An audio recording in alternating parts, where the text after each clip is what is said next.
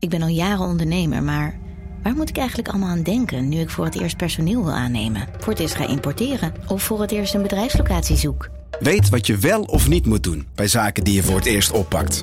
Check kvk.nl voor praktische stappenplannen. KVK, hou vast voor ondernemers. Hey podcastluisteraar. Ook op zoek naar een relevante invulling van je schaarse luisteruren? Tune dan in op de podcastserie ESG, even samengevat van BNP Paribas. Wij, Marloes en Aldert, spreken daar duurzame voorlopers en wereldverbeteraars. Waarover dan? Nou, bijvoorbeeld of we ooit duurzaam kunnen gaan vliegen. En waarom koeien in de stad nou een goed idee is? Dat en meer elke twee weken in een nieuwe aflevering. Dus abonneer je. ESG, even samengevat. Vanaf de redactie van NRC het verhaal van vandaag. Mijn naam is Thomas Ruip.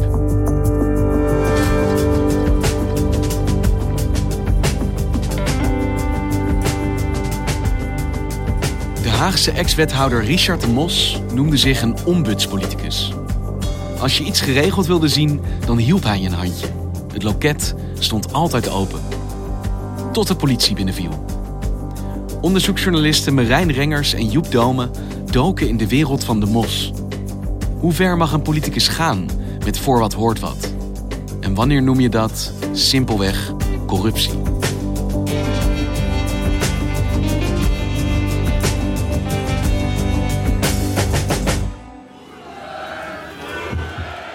Op 1 oktober zaten we op de krant in Amsterdam. De focus, de nieuwsfocus, lag op de boerenprotesten die op het Malieveld aan de gang waren. Opeens kwam er een ander nieuwsdraadje doorheen. Er gebeurde nog iets anders in Den Haag. Iets ongekends voor Nederlandse begrippen. Wat was er nou gebeurd? De Rijksrecherche was een inval aan het doen op de kantoren op het stadhuis van Richard de Mos, van de groep de Mos, en zijn collega-wethouder Rachid Guernaoui. Leden van de Rijksrecherche nemen dozen met mogelijk bewijsmateriaal in beslag bij de woonhuizen van de wethouders. Ook hun werkkamers op het stadhuis worden onderzocht. En er zijn huiszoekingen gedaan bij drie Haagse ondernemers. Twee mannen werden verdacht van het aannemen van steekpenningen in ruil voor het verlenen van allerlei vergunningen. Dus toen iedereen naar de boeren op het Malieveld keek, viel de Rijksrecherche het gemeentehuis binnen. Het is een krankzinnige en ook niet geplande samenloop van omstandigheden, maar dat is wat er gebeurde. Richard de Mos is een, eh, een Haagse jongen.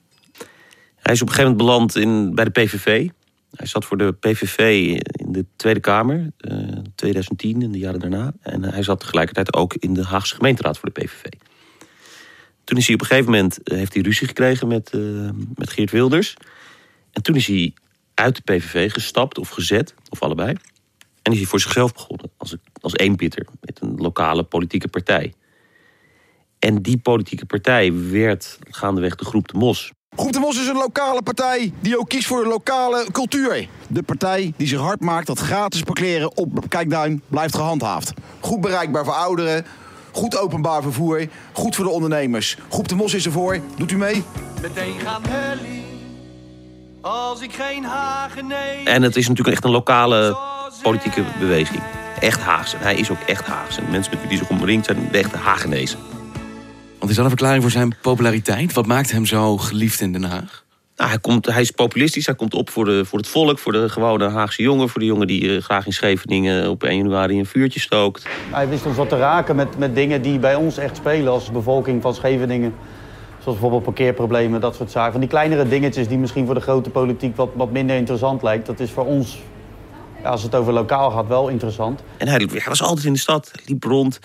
Je kon hem aanschieten over de zwerfvuil. Dus hij stond, hij stond dicht bij de burger. Hij is er voor ons. Je hebt natuurlijk sommige dingetjes waar hij gewoon echt voor gaat. Voor ons.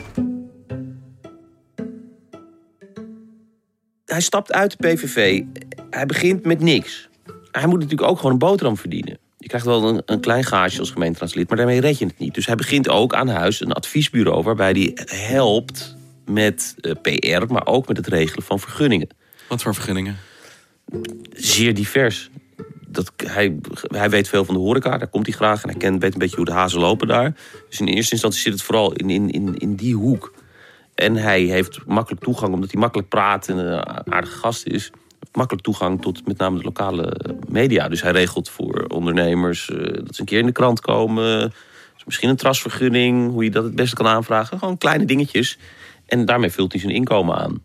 Maar je, ziet wel dat een aantal ondernemers die zijn politieke groepering gaan steunen, ook of tegelijkertijd, zeker in de beginjaren, klant zijn van zijn adviesbureautje. Cafés, restaurants, zalencentra. Dat zijn de mensen die in eerste instantie bij hem aankloppen om, uh, om dingen geregeld te krijgen in Den Haag. Hij maakt er ook een politiek punt van. Hij zegt: Den Haag is een slaapstad geworden. Onze jongeren moeten naar Amsterdam of Rotterdam om te gaan dansen. Wij gaan, Amst wij gaan Den Haag een beetje opschudden en dat kan via mij. Den Haag was voor mijn aantreden, het uitgaansleven was ongeveer te vergelijken met dat van Appelscha.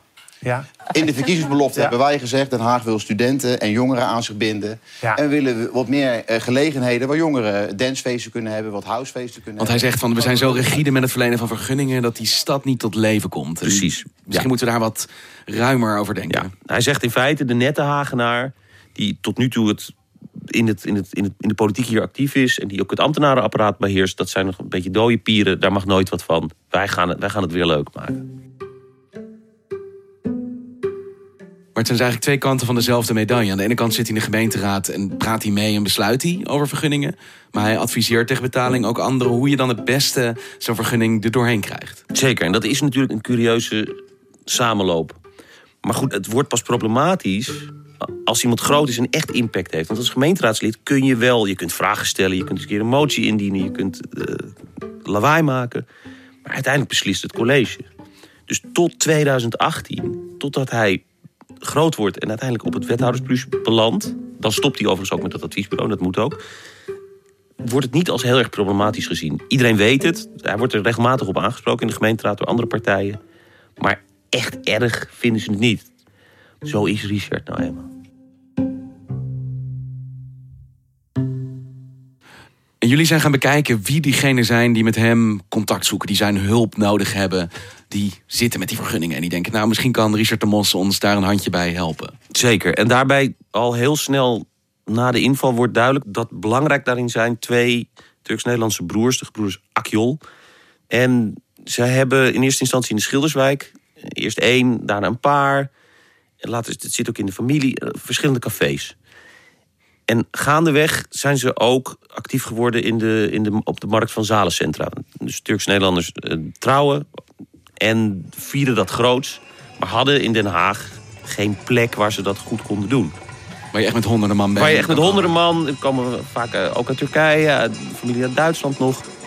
Dus da- daar, en dat zijn een soort wij vinden het suikertaarten, maar dus heel overdadig met marmer en kroonluchters. Grote, chique, op een bepaalde manier chique zaken. Waar, waar je dan een- zo'n zo'n enorme bruiloft kan vieren. Maar alles kan. Dus catering, een, eh, wedding planners, ze regelen alles, limousines. Daar, dat is dé plek in Den Haag om, om je bruiloft te vieren. Maar daar heb je ruimte voor nodig. Je hebt een plek nodig en zoveel grote plekken zijn er niet in Den Haag. En dan vinden de gebroeders Akjol, daarbij wellicht ook wel geholpen nog door de gemeente... een oude liftfabriek op een industriegebiedje midden in de stad. Een liftenfabriek? Het is een oude liftenfabriek waar ooit nog de lift van Dick Maas is opgenomen. Die huren ze en stapje voor stapje gaan ze die ombouwen tot zalencentrum. En dat werkt. Ze hebben dat gat in de markt gevonden. Dat werkt enorm. Dus, dus ze hebben een goed lopende zaak daar. Maar die zaak, het kan altijd beter en het kost wat. En een van de problemen die ze hebben is dat ze eh, om één uur dicht moeten. Onder andere omdat een nachtvergunning ook allerlei overlast met zich meebrengt. En de, buren van de, de opera, die mensen klagen steen en been. Zeker in het begin over parkeeroverlast, geluidsoverlast, herrie, vuurwerk. Dus de gemeente is niet zo happig op dat moment om deze plek nog langer open eh, te laten. Waardoor ze dan nog meer gedonder zouden introduceren in, in die buurt. Maar ze krijgen die nachtvergunning dus niet. Die komt er niet doorheen. Die komt er niet doorheen. geen goed idee. Nee. Nou, en dan, hoe, hoe ga je dat dan organiseren? Ja, dan ga je onder meer proberen om dichter bij die gemeente te komen. En dat kan via Richard.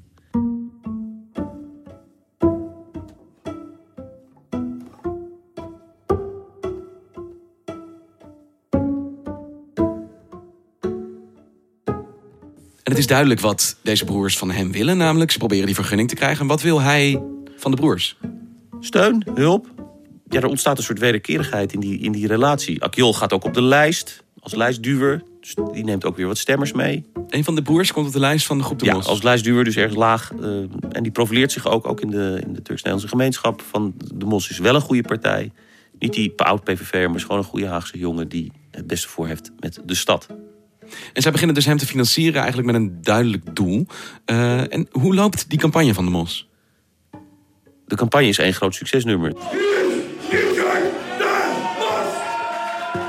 Hij krijgt heel veel aandacht en hij krijgt uiteindelijk ook heel veel stemmen. En hij wordt de grootste partij van Den Haag. Wij zijn de lokale partij en wij gaan gewoon 10 plus zetels halen. Wij worden de grootste partij van Den Haag. Op dat moment is Richard de Mos iemand, een factor, iemand om rekening mee te houden in de Haagse politiek.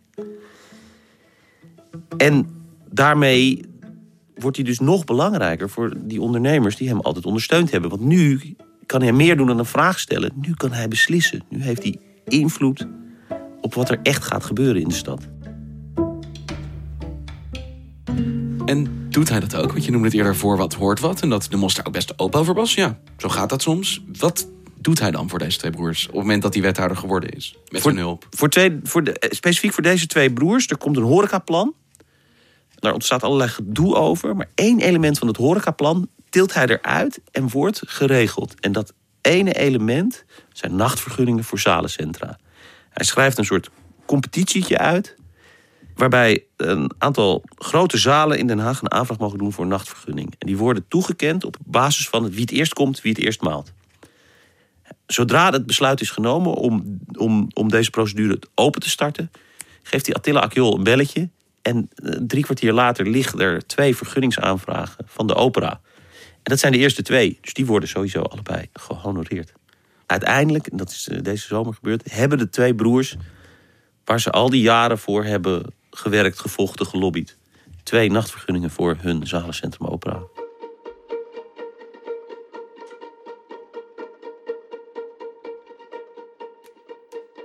Maar dan valt op 1 oktober de Rijksrecherche binnen. En dan heel snel wordt duidelijk dat een van de dingen waar zij naar kijken... precies deze nachtvergunning is. Nou, dat maakt nieuwsgierig. Wie zijn dan die mannen die na jaren eh, hun best doen... uiteindelijk een vergunning hebben gekregen... waarmee kennelijk iets aan de hand is. Omdat de Rijksrecherche denkt... Hey, er is er, misschien is Richard de omgekocht... bij het verlenen van deze vergunning. Dus wat wij hebben gedaan... is we hebben ons verdiept in de achtergrond van de, van de familie... Wat zijn jullie te weten gekomen over die familie Akjol?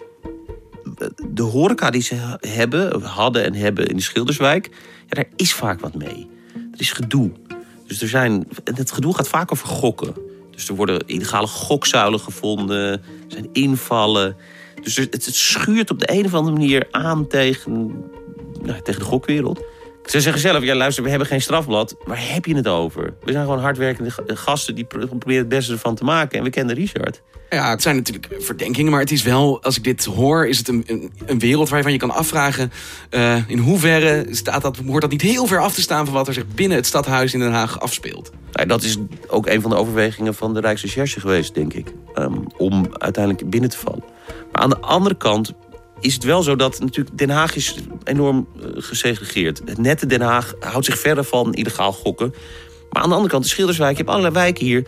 Gewone Haagse jongens. Iedereen kent wel iemand met wie wat aan de hand is... of die een keer een akkefietje met de politie heeft gehad. Dus van, vanuit de achterban van de groep De Mos is, is dat waarschijnlijk... Ze zien het ook niet als een bezwaar. Een gedoetje met de politie, weet je, op, niet lullen. Gewoon poetsen, feestje bouwen, niet zeiken.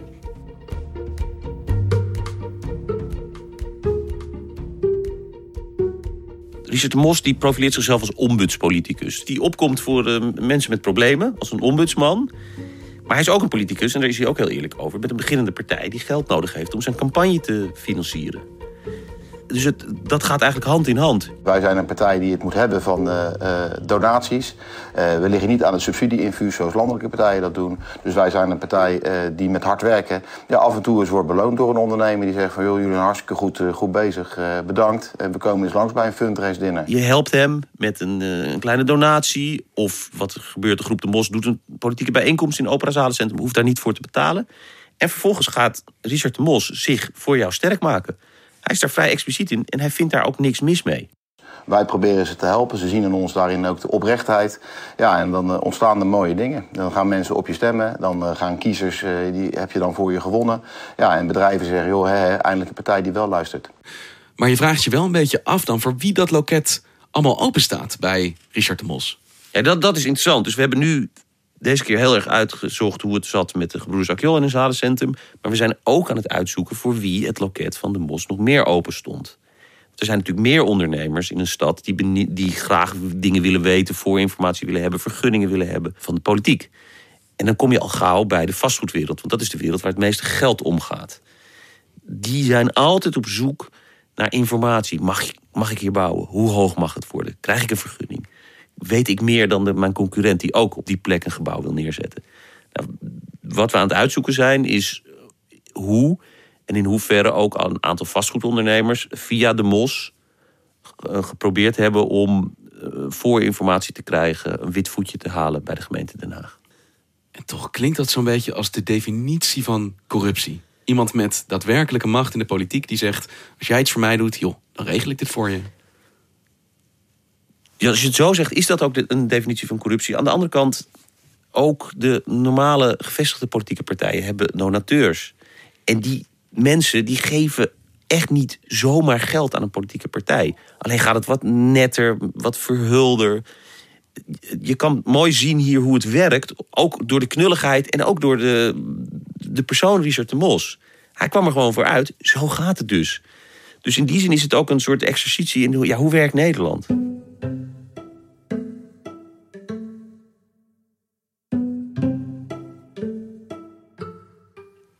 Er zijn op lokaal niveau zeker heel veel politici die heel benaderbaar zijn, die ook wel misschien bereid zijn om uh, hun best voor je te doen. Maar wat, er, wat het bijzonder maakt, is dat Richard de Mos zo groot is geworden. Hij werd van een man die een keer een vraag kon stellen, werd hij de man die erover ging. Want de mensen bij wie je zomaar binnenstapt met zo'n verzoekje worden doorgaans niet wethouder van een grote stad. Dat is precies de kern van het verhaal. Richard werd van een kleine jongen met wie je goed een pilsje kon drinken en die je een centje gaf en die zijn best voor je ging doen, werd hij de local burgemeester van de derde stad van Nederland. En wat zegt Richard de Mos daar dan nu over? Want hij, je zegt, hij was eigenlijk daar vrij open over. Je kan naar mij toekomen en dan regelen we misschien wel iets onderling. Wat zegt hij nu dan bijvoorbeeld over dit zalencentrum of de andere aantijgingen tegen hem? Ja, nou, dat is dus uh, klinkklare onzin. Dat heeft u niet gedaan? Absoluut niet. Richard de Mos zegt in feite: het is een politieke afrekening. Het is een politieke afrekening met mij, met de manier waarop ik politiek bedrijf. Het is allemaal niet waar. Het is, en voor zover het waar is, mocht het en was ik er open over. Heeft u ooit eigenlijk geld aangenomen? Zeker. Ja, er zijn dagen dat ik geen geld uh, aanneem. Maar doorgaans probeer ik de partijkas uh, goed uh, te spekken. En iedere eurocent die ik kan aannemen als lokale partij... die geen subsidie krijgt van de landelijke overheid, ja. ja. die neem ik aan. Maar hij zegt, ik heb de wet niet overtreden. Hij zegt, ik heb de wet niet overtreden. Wat heeft het voor de politieke carrière van de Mos betekend? Tot dusver deze verdenkingen. Nou, heel veel. Hij moest aftreden. Hij is uit de coalitie gezet. Samen met Rachid, met zijn collega-wethouder. Vervolgens is hij weer ingezworen als gemeenteraadslid. Dus hij zit gewoon weer in de gemeenteraad. Hij heeft zijn ombudscarrière weer opgepakt. Hij is all over de media. Hij twittert. Hij is overal. Hij heeft zich met de Zwarte Piet intocht bemoeid. Dus hij is eigenlijk gewoon verder gegaan waar hij gebleven was voordat hij wethouder werd. En die twee broers, die via hem dus wel die vergunningen hebben weten te krijgen. En het eigenlijk heel slim gespeeld hebben. Wat zeggen zij? Zij zeggen dat zij niks verkeerd hebben gedaan. Dat ze gewoon hardwerkende horecaondernemers zijn. En dat NRC moet ophouden met hun uh, in de picture te zetten. Omdat de gemeente maar rare ideeën krijgt van uh, de informatie die uh, naar boven borrelt nu.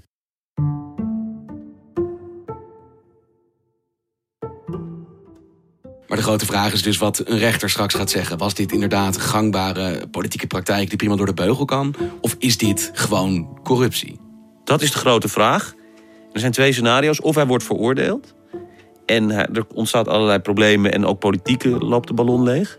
Maar stel nou dat hij niet veroordeeld wordt. Of dat dat een, een werkstraf wordt misschien ooit over zes, acht jaar. Dan zul je zien dat hij bij een volgende verkiezing de grootste van Den Haag wordt. Want dan was er dus inderdaad niet zoveel aan de hand. En is onze Richard, de man van het volk, onterecht door de hoge heren van Den Haag beschuldigd van corruptie.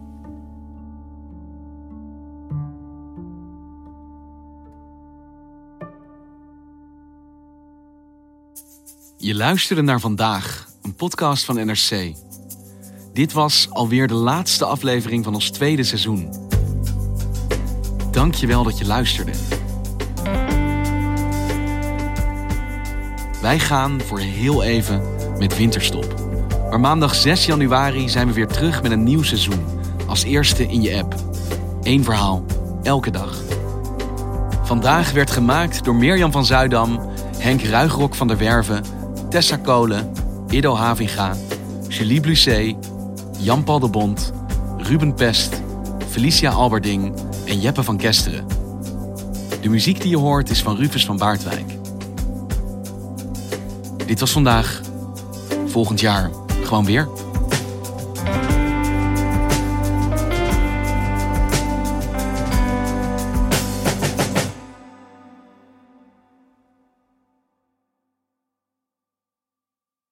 Technologie lijkt tegenwoordig het antwoord op iedere uitdaging.